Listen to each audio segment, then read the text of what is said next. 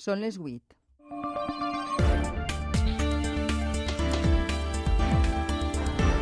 Les notícies de la nit. Amb Xalo Vicente i José Soler.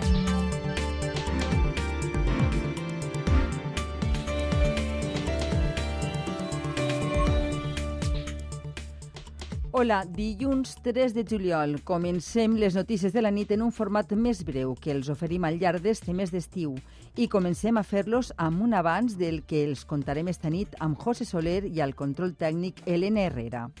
Vesprada de pluges, tempestes elèctriques i pedregades. A València i àrea metropolitana, la pedra ha tingut una dimen la dimensió d'una a 9. Els bombers han extingit conats d'incendi per llams a la Pobla de Vallbona i a Navaixes i també han intervingut en caigudes de branques i arbres per túnels inundats i caigudes en façanes. Dos persones han resultat ferides lleus a València pels colps al cap d'una bola de pedra. Així pedregava a la Canyada, Paterna. Sí, sense acord en la segona reunió per a decidir qui governarà la Diputació de València. En s'unís el partit de l'alcalde d'Ontinyent, Jorge Rodríguez, s'ha reunit esta vesprada amb el PP i amb el PSPB. El vot de la seva representant a la Diputació de València, Natàlia Enguix, és clau per a decantar la balança. Això sí, el partit de Rodríguez ha posat una línia roja que fa difícil un acord amb el PP pusimos bien claro desde el principio que nuestra línea roja era, era Vox y, y, esa necesidad que tiene el Partido Popular de, de, pactar con Vox para poder gobernar, tanto en las comunidades autónomas como en los municipios. La presidència espanyola de la Unió Europea es planteja el pacte sobre immigració com un dels reptes principals. Pedro Sánchez i Ursula von der Leyen han evitat qualsevol referència a la política interna espanyola en les seues intervencions després de reunir a Madrid els membres de la Comissió Europea. absoluta normalidad.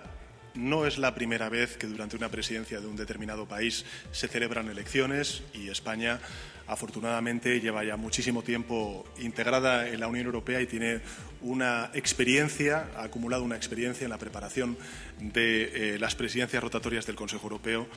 Més de 3.000 persones detingudes, un bomber mort i un atac greu a la casa d'un alcalde, a més de nombrosos danys materials i econòmics i agents ferits. És el balanç provisional que deixen les sis nits de disturbis a França. Els alcaldes i alcaldesses de França s'han concentrat avui per a condenar l'onada de violència que sacseja el país.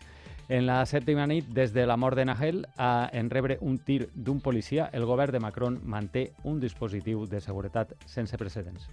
I en els esports estem pendents de l'estat de salut de Carlos Tatà i Daniel Morsilla. Bona vesprada. Bona vesprada. Així és, el pilot de la Coas va patir un fort accident a Portimao, Portugal. Eh, va ser traslladat a un hospital de la pròxima localitat de Faro, on va ser operat d'urgència de lesions en vèrtebres. L'equip i els metges que l'han operat han decidit traslladar-lo a l'Hospital de, de Toledo, on es tracten les lesions musculars per a seguir la seva evolució. Les pròximes hores han de ser decisives. Gràcies, Dani. I, en, i avui són notícia les pedregades intenses que han caigut en diverses comarques. Lluís Obiols, bona vesprada. Com tenim la situació? Eh, doncs ara la situació és més tranquil·la, però encara tenim ruixats i tempestes localment fortes, més o menys entre la vall d'Albaida i la costera, entre Xàtiva i Ontinyent.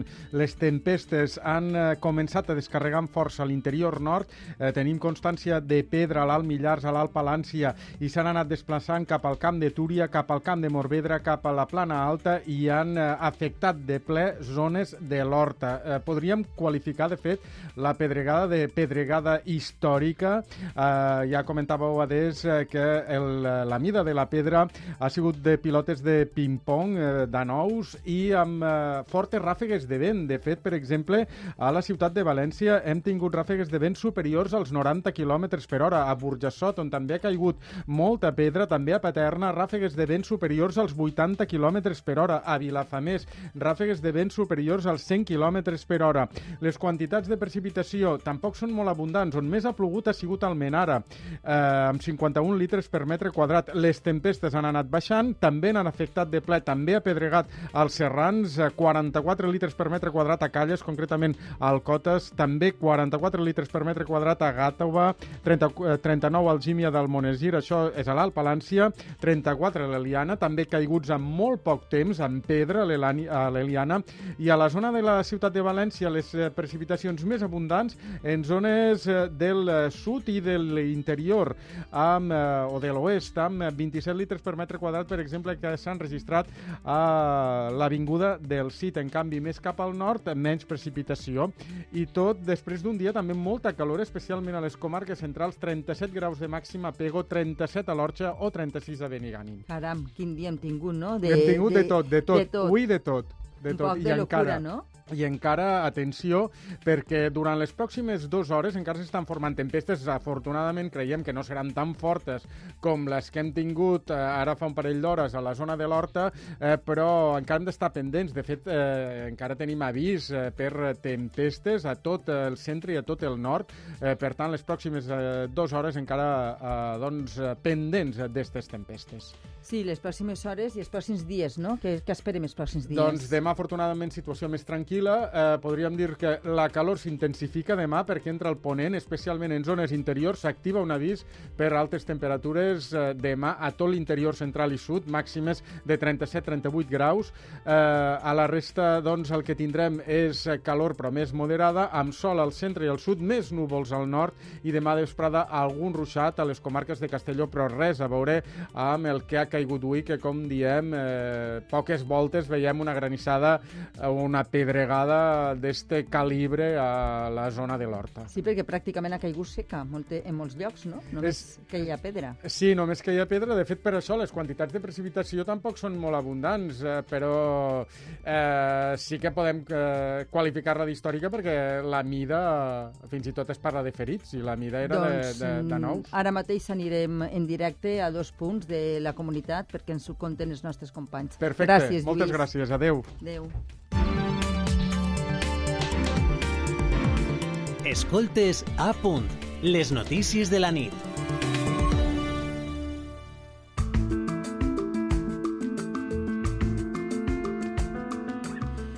I així és, dos feris lleus a la ciutat de València en rebre els colms de la pedregada, un home de 70 anys i una dona de 20. És el resultat que de moment la policia local fa de la forta pedregada que ha caigut a mitjan vespre de l'àrea metropolitana i també en algunes localitats del Camp de Túria. A València està Carles González. Què ens pots contar, Carles? Bona vesprada.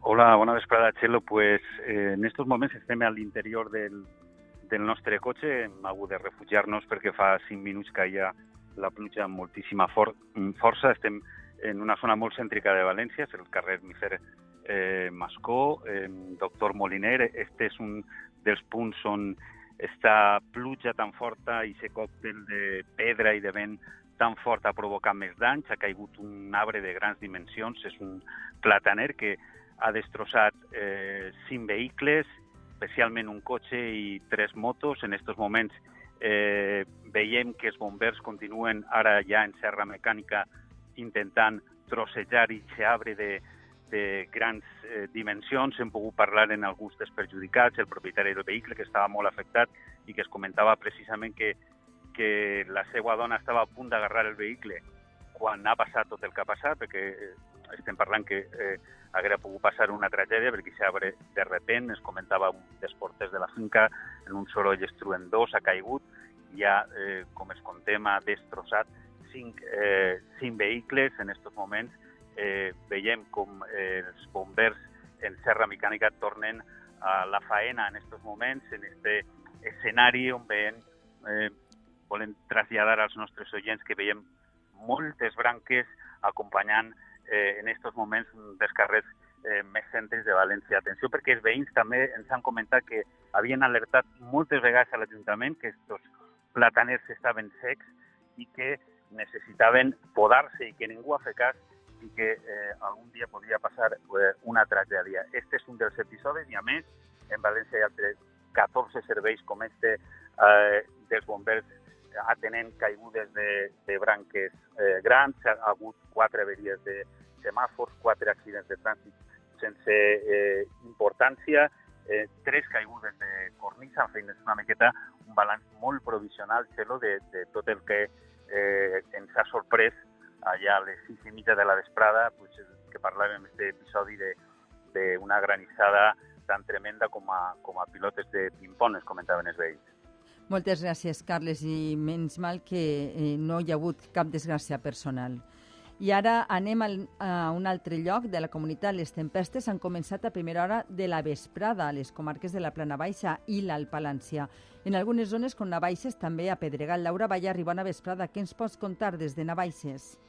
Bona vesprada. Les comarques del nord, este primer episodi de pluges de l'estiu ha sigut un poc més lleuger que les comarques centrals. Ha, començat abans, a primera hora de la, vesprada, al voltant de les 4, ha plogut amb molta intensitat a l'Alt Millars. Per exemple, a Montanejos s'han registrat 20 litres per metre quadrat en tan sols 10 minuts i així a Navaixes, a l'Alt Palància, on nosaltres estem en este moment arribat a pedregar. Això sí, no són unes pedres, no és una pedregada tan gran com la que s'ha s'ha registrat a l'Horta de València. A mitjan de vesprada, sí, a les comarques del nord, la pluja ha anat desplaçant-se cap al centre i ha deixat ruixats importants a la vall d'Uixó o a Onda. I ja a última hora de la vesprada ha arribat molt feble a la zona costanera. Així, a les comarques del nord no s'ha registrat cap incidència important més enllà del despreniment d'unes roques, d'unes pedres grans que han caigut a la CB105 prop de la pobla de Benifassà, a la tinença de Benifassà.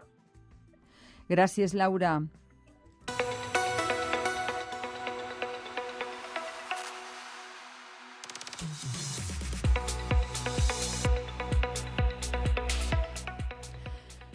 I anem amb informació eh, d'Espanya estatal. El Partit Popular i Vox continuen assajant fórmules de pactes per a governar en diferents comunitats, unes opcions que van des del govern en solitari, però amb acord de programa a les Illes Balears fins a l'exclusió a Cantàbria, on directament el desafiament com a Múrcia. Anna Domènech té més detalls. En el seu discurs d'investidura, Marga Proens, candidata del Partit Popular a presidir el govern de les Illes Balears, ha agraït a Vox l'esforç generós per permetre que governen en solitari. A canvi de l'abstenció que garantís la seva elecció demà, Proens s'ha compromès a aplicar el pacte programàtic a què han arribat les dues forces de dreta. Per això, defensaré personalment aquest acord.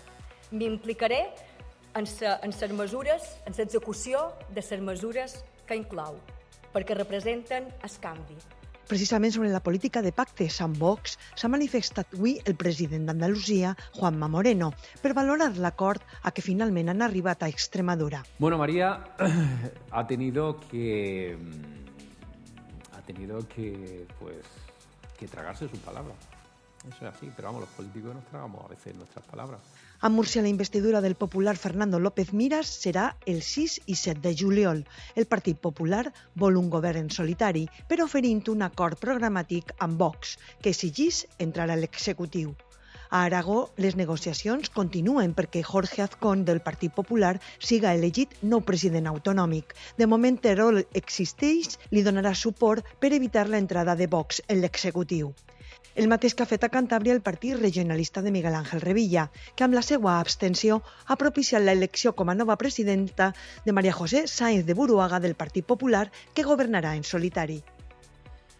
I la presidència espanyola de la Unió Europea es planteja el pacte sobre immigració com un dels principals reptes. Pedro Sánchez i Ursula von der Leyen eviten qualsevol referència a la política interna espanyola en les seues intervencions després de reunir-se a Madrid tots els membres de la Comissió Europea, el Col·legi de Comissaris. Delegació de Madrid, Laura Ribes. Bona vesprada.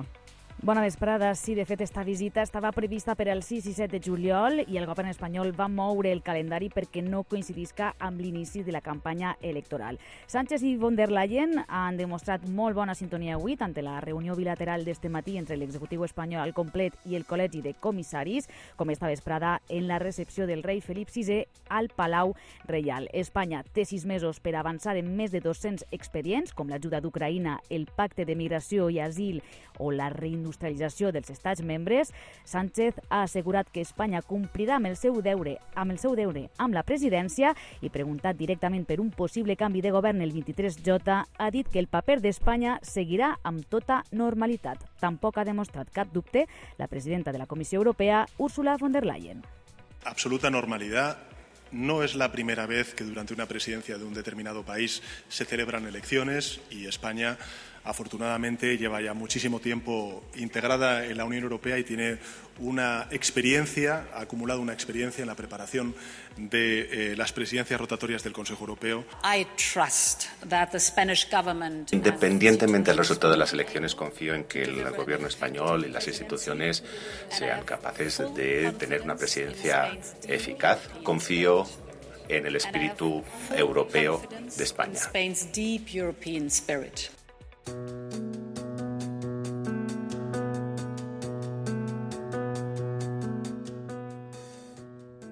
Vuit persones continuen encara ingressades en centres sanitaris a conseqüència de la intoxicació per salmonella que van patir la setmana passada en una coneguda cafeteria de Santa Pola al Baix Vinalopó. Vuit més han rebut l'alta este dilluns. En total hi ha hagut 25 afectats, tots amb sintomatologia lleu. Alacant, Francesc Manel Anton. Quatre de les persones afectades, un adult i tres menors, es troben encara ingressades a l'Hospital General d'Elx i evolucionen satisfactòriament, mentre que les altres quatre, totes menors d'edat, estan hospitalitzades en un centre sanitari de Navarra on van ser traslladades a petició pròpia. La Direcció General de Salut Pública ha informat que el brot ha afectat a un total de 25 persones, totes amb sintomatologia lleu, amb febre i gastroenteritis. Este mateix matí, altres vuit intoxicats han rebut l'alta mèdica, cinc dels quals estaven també ingressats a l'Hospital d'Elx i altres tres en un centre sanitari privat de la capital del Baix Vinalopó. Ricardo Balmaceda és un dels afectats. Y nada, nos han dicho que, bueno, que cuidado sobre todo, que poco a poco tenemos todavía unos días de, de tratamiento con antibióticos y demás en casa y que empezamos ahora a comer dieta blandita durante unos días. Esta semana mucha tranquilidad con la alimentación. La cafeteria continua de moment tancada i Salut Pública segueix investigant per conèixer l'origen de la intoxicació. I ha començat a funcionar avui el taxi a demanda a les pedanies que envolten la ciutat d'Alacant. És una vella demanda dels veïns d'esta perifèria rural amb moltes cases disseminades i sense un transport públic fluid. Manel Biosca ha acompanyat alguns dels primers usuaris. Per als veïns d'aquestes àmplies àrees és tota una fita. Són anys de reivindicació i de retard en la posada en funcionament. Bueno, no sé si vamos directos a la parada de Ciudad Jardín, porque sé que es un taxi compartido. Sí, tenemos que pasar antes a recoger a otro, Així és, és un servei compartit i que es pot sol·licitar després de baixar-se una aplicació pel web o per telèfon. Es demana dins d'uns horaris establits. 8.000 persones viuen a les 12 partides que envolten la ciutat d'Alacant. Són nuclis menuts de cases, moltes de les quals estan disseminades, amb un greu problema de comunicació per falta de transport públic.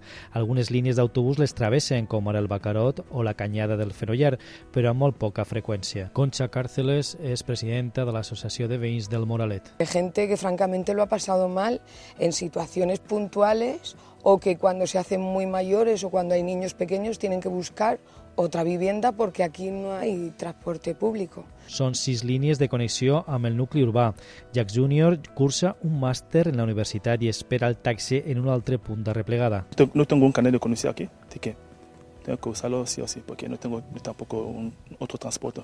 El preu és el mateix que la resta del transport urbà de la xarxa TAM, 1,45 euro i es podrà abonar també amb un bo de 10 viatges. En plena temporada alta, les quatre platges del litoral del Campello estan sense servei de socorrisme. Els treballadors mantenen una vaga indefinida per l'incompliment de les condicions laborals. L'Ajuntament també estudia rescindir el contracte amb la empresa si no solucionen els problemes. Isabel González. Sí, des de divendres no hi ha un sol socorrista a les platges del Campello, ni cap altre servei de salvament. Tampoc està obert el dispensari per atendre persones amb discapacitat funcional. Es una falta de respeto hacia las personas con discapacidad, porque yo he venido de vacaciones y no me puedo meter en el mar, me tendré que fastidiar. El problema és la vaga indefinida que mantenen els socorristes de l'empresa concessionària del servei, una empresa murciana que va acceptar un retall del 30% en el pressupost que ofertava l'Ajuntament i que ara no pot complir. Raúl Blanco, representant sindical dels socorristes. Debe haber enfermeros, técnicos en emergencias, eh, ve- vehículos de intervención rápida, eh, o sea, es un dispositivo bastante completo, un serio. Estás hablando de un millón de euros para ocho meses de trabajo.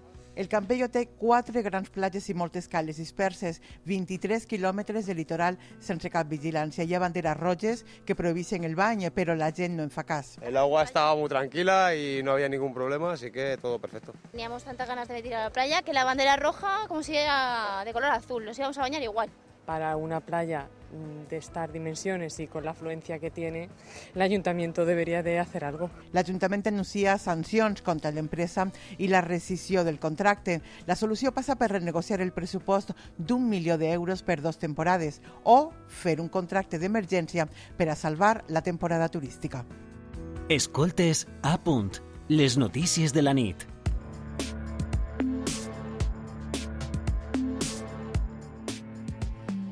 I canviem totalment d'informació perquè els anem a contar ara que les obres del corredor del Mediterrani no avancen. Així ho ha comunicat des del moviment Vull Corredor, que ha fet pública la revisió semestral de les obres. L'anàlisi ha demostrat que no han avançat des dels últims sis mesos. És més, tot el que es volia aconseguir l'any 2022 continua estant pendent per enguany. L'objectiu de la iniciativa, analitzar els avanços en la infraestructura fins a l'execució final, una doble plataforma des de la frontera francesa fins a Algeciras, que de moment sembla que s'endarrereix. El mercat britànic supera el juny a l'espanyol a Benidorm, també el turista portuguès hi romp amb força. Són les dades més sorprenents pel que fa al turisme estranger en el balanç d'ocupació de la segona quinzena de juny que fa l'Associació Empresarial Hotelera i Turística de la Comunitat Valenciana, Osbec.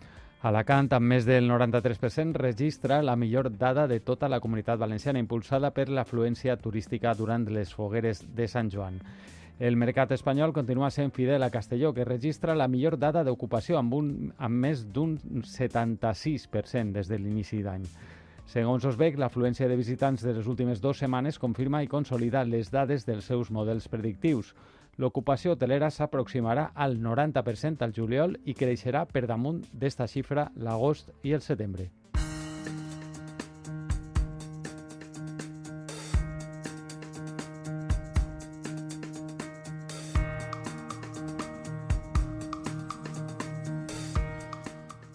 L'Ajuntament d'Albaida denunciarà l'home que dissabte va arrencar les banderes LGTBI del balcó municipal. Maria Ángeles Salom és la regidora d'Igualtat. La policia local i sols em va replegar una que de fet la tinc jo en l'Ajuntament perquè me l'han entregat i la veritat que la bandera pues, dona llàstima perquè està tota completament esgarrada i encara dona més pena en quina força perquè això sabeu que és nilon i això per trencar-ho costa una barbaritat. Imagineu-se pujar allí la ràbia que tindria i, i fer aquestes coses. Al costat de l'edifici, coincidint amb el seu atac, s'havia col·locat una bandera franquista. L'individu resident al poble ja està identificat, com assenyala la delegació del govern, la delegada del govern Pilar Bernabé que se ha identificado a la persona a través de la policía local, mmm, que fue quien actuó y en estos momentos eh, la Guardia Civil está también investigando. Y hay que alejarse de ese clima de confrontación, un clima de odio que no conduce a nada más que a retrocesos. Setmana clau per a decidir el govern en la Diputació de València. Ens uneix el partit de Jorge Rodríguez, que té la manilla per a decantar la governabilitat d'esta institució. S'ha reunit avui amb el Partit Popular i fa mitja hora amb el PSPB. Seguint aquestes reunions, on tinent està de l'Aida Ferre. Bona vesprada.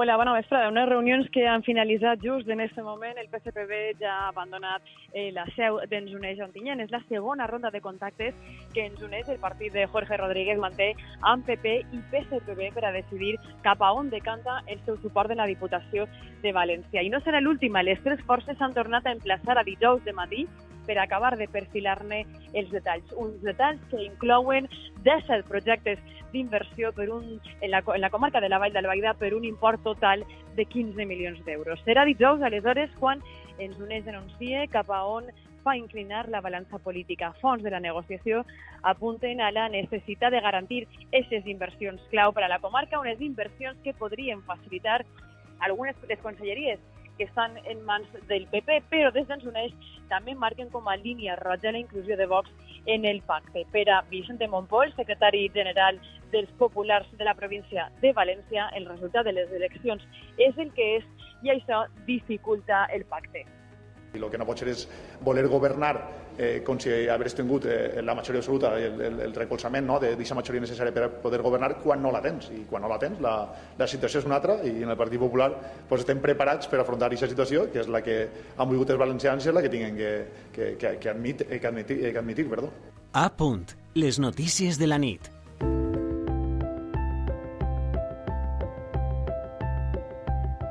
Informació internacional es contem ara que els alcaldes i alcaldesses de França s'han concentrat avui per a condemnar l'onada de violència que s'acceja al país. Dissabte a la nit atacaren amb foc la casa d'un alcalde quan la família dormia i la Fiscalia ho investiga ja com a tentativa d'assassinat. En la sèptima nit, des de la mort de Nael, en rebre un tir d'un policia, el govern de Macron manté un dispositiu de seguretat sense precedents. Arturo Monedero. Els consistoris de França fan un crit contra la violència. Volien cremar vius la meva dona i els nostres dos fills mentre dormien. L'alcalde d'un municipi al sud de París va viure amb angoixa com encastar en un cotxe en flames contra sa casa. La família va patir lesions lleus i encara no s'ha identificat els culpables, però la Fiscalia ja investiga l'atac com un intent d'assassinat. Des de l'esclat social que va començar el dimarts passat s'han detingut 3.200 persones. El ministre de l'Interior mostra preocupació perquè la mitjana d'edat se situa en els 17 anys. Ils ont fait ça le prétexte de Naël. Nadia, la iaia de Nael, demana que deixen la mort del seu net com a pretext per a trencar-ho tot, mentre l'extrema dreta recolecta diners per al policia que el va matar. Ja porten quasi un milió d'euros.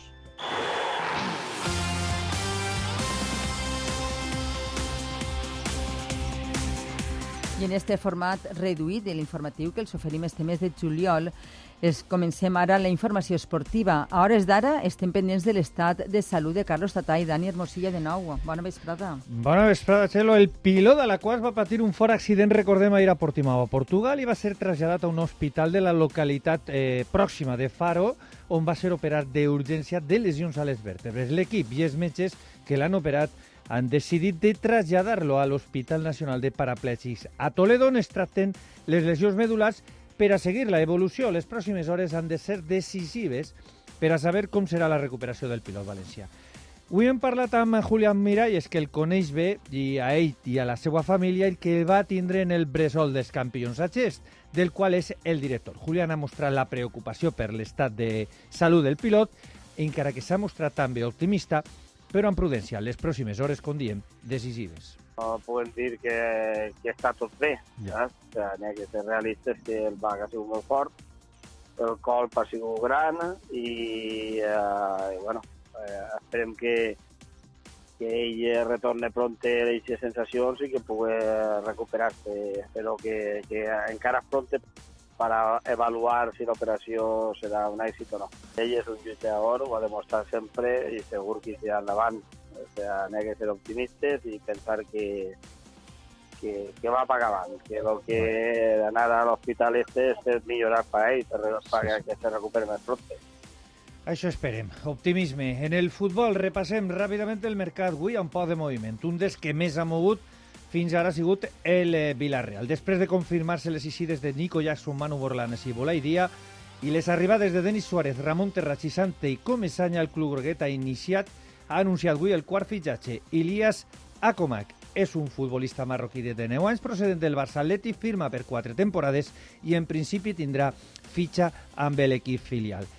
Amb el eh, fulletó de l'afer entre el groguet Alex Baena i l'uruguaià Fede Valverde, eh, acabem esta informació del Villarreal perquè avui el jutjat d'instrucció número 48 de Madrid ha arxivat, ha arxivat la denúncia per la presumpta agressió de l'uruguaià al futbolista groguet al pàrquing del Santiago Bernabéu. El jutge creu que no resulta degudament justificada la, la perpetració del delicte que ha donat lloc a la formació de la causa. Així ha dictat sobreïment de la denúncia per a considerar per considerar que hi ha incongruències en la declaració de Baena. Canviem d'assumptes, en anem al València. Avui, notícia de la part més social perquè la oposició a Meriton s'ha presentat a les oficines del club per a reclamar el fet de tindre un conseller independent en el Consell d'Administració del club propietat de Peter Lim. Segons la nova llei de l'esport, així es considera que el club ha d'habilitar esta figura i per això podria eh, obtindre eh, més informació pel que se refereix a, la oposició. També relacionat amb el club de Mestalla, avui ha sigut presentat l'estèndi blanc i negre Rafa Benítez com a nou entrenador del Celta.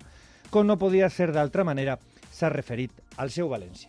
Bueno, algo hice en Valencia, ¿eh? Alguna cosita hice en Valencia, porque después de 31 años ganar dos títulos de liga y una, y una UEFA no estaba mal. No està gens malament. En segona divisió, l'Elx ha començat avui el treball de preparació per a la pròxima temporada. Les ordres de BKCC i en primera ref el Castelló ha presentat el avui el seu nou tècnic, l'holandès Dick Schreuder, que arriba sense por i disposat a aconseguir l'ascens. Però a mi no hi ha diferència si hi ha pressió per ascendir o no. No he vingut així de vacances. Es tracta de guanyar partits. He vingut a guanyar partits. Tracte de tindre èxit amb l'equip. No tinc por. Bé, i acabem amb dos notes de dos grans esdeveniments que s'estan eh, disputant o que estan celebrant-se en el Tour de França, avui tercera etapa, la última a terres del eh, País Basc. Victòria per al gran favorit, per a Jasper Philipsen de l'Alpesina. L'esprint és el primer sprint d'esta ronda francesa. La, la general no canvia, demà ja etapa 4 en terres franceses i acabem amb Wimbledon, que avui ha vist com l'agenda s'ha vist afectada per la pluja. Això sí, la tenista Ballera, la tenista de la Baixara eh, Sorribes, ha pogut eh, acabar el seu partit i s'ha imposat en dos sets a la italiana Martina Trevisan. Ho tindrà difícil, Xelo, perquè s'enfronta a la número del món, la polonesa Iga Swiatek, en segona ronda. Estan jugant-se eh, Bernabé Zapata, que està perdent 2-1 contra Echeverri, no ha acabat el partit, Roberto Bautista, eh, que està eh, guanyant el seu partit per un 7-0 i està a punt d'aconseguir el segon. Gràcies, Dani, i això és tot per avui. Nosaltres ens acomiadem i, i continuem amb més música amb l'equip de Manuel Alandes i Territori Sonor. Tornem demà a la mateixa hora. Gràcies per estar a l'altre costat.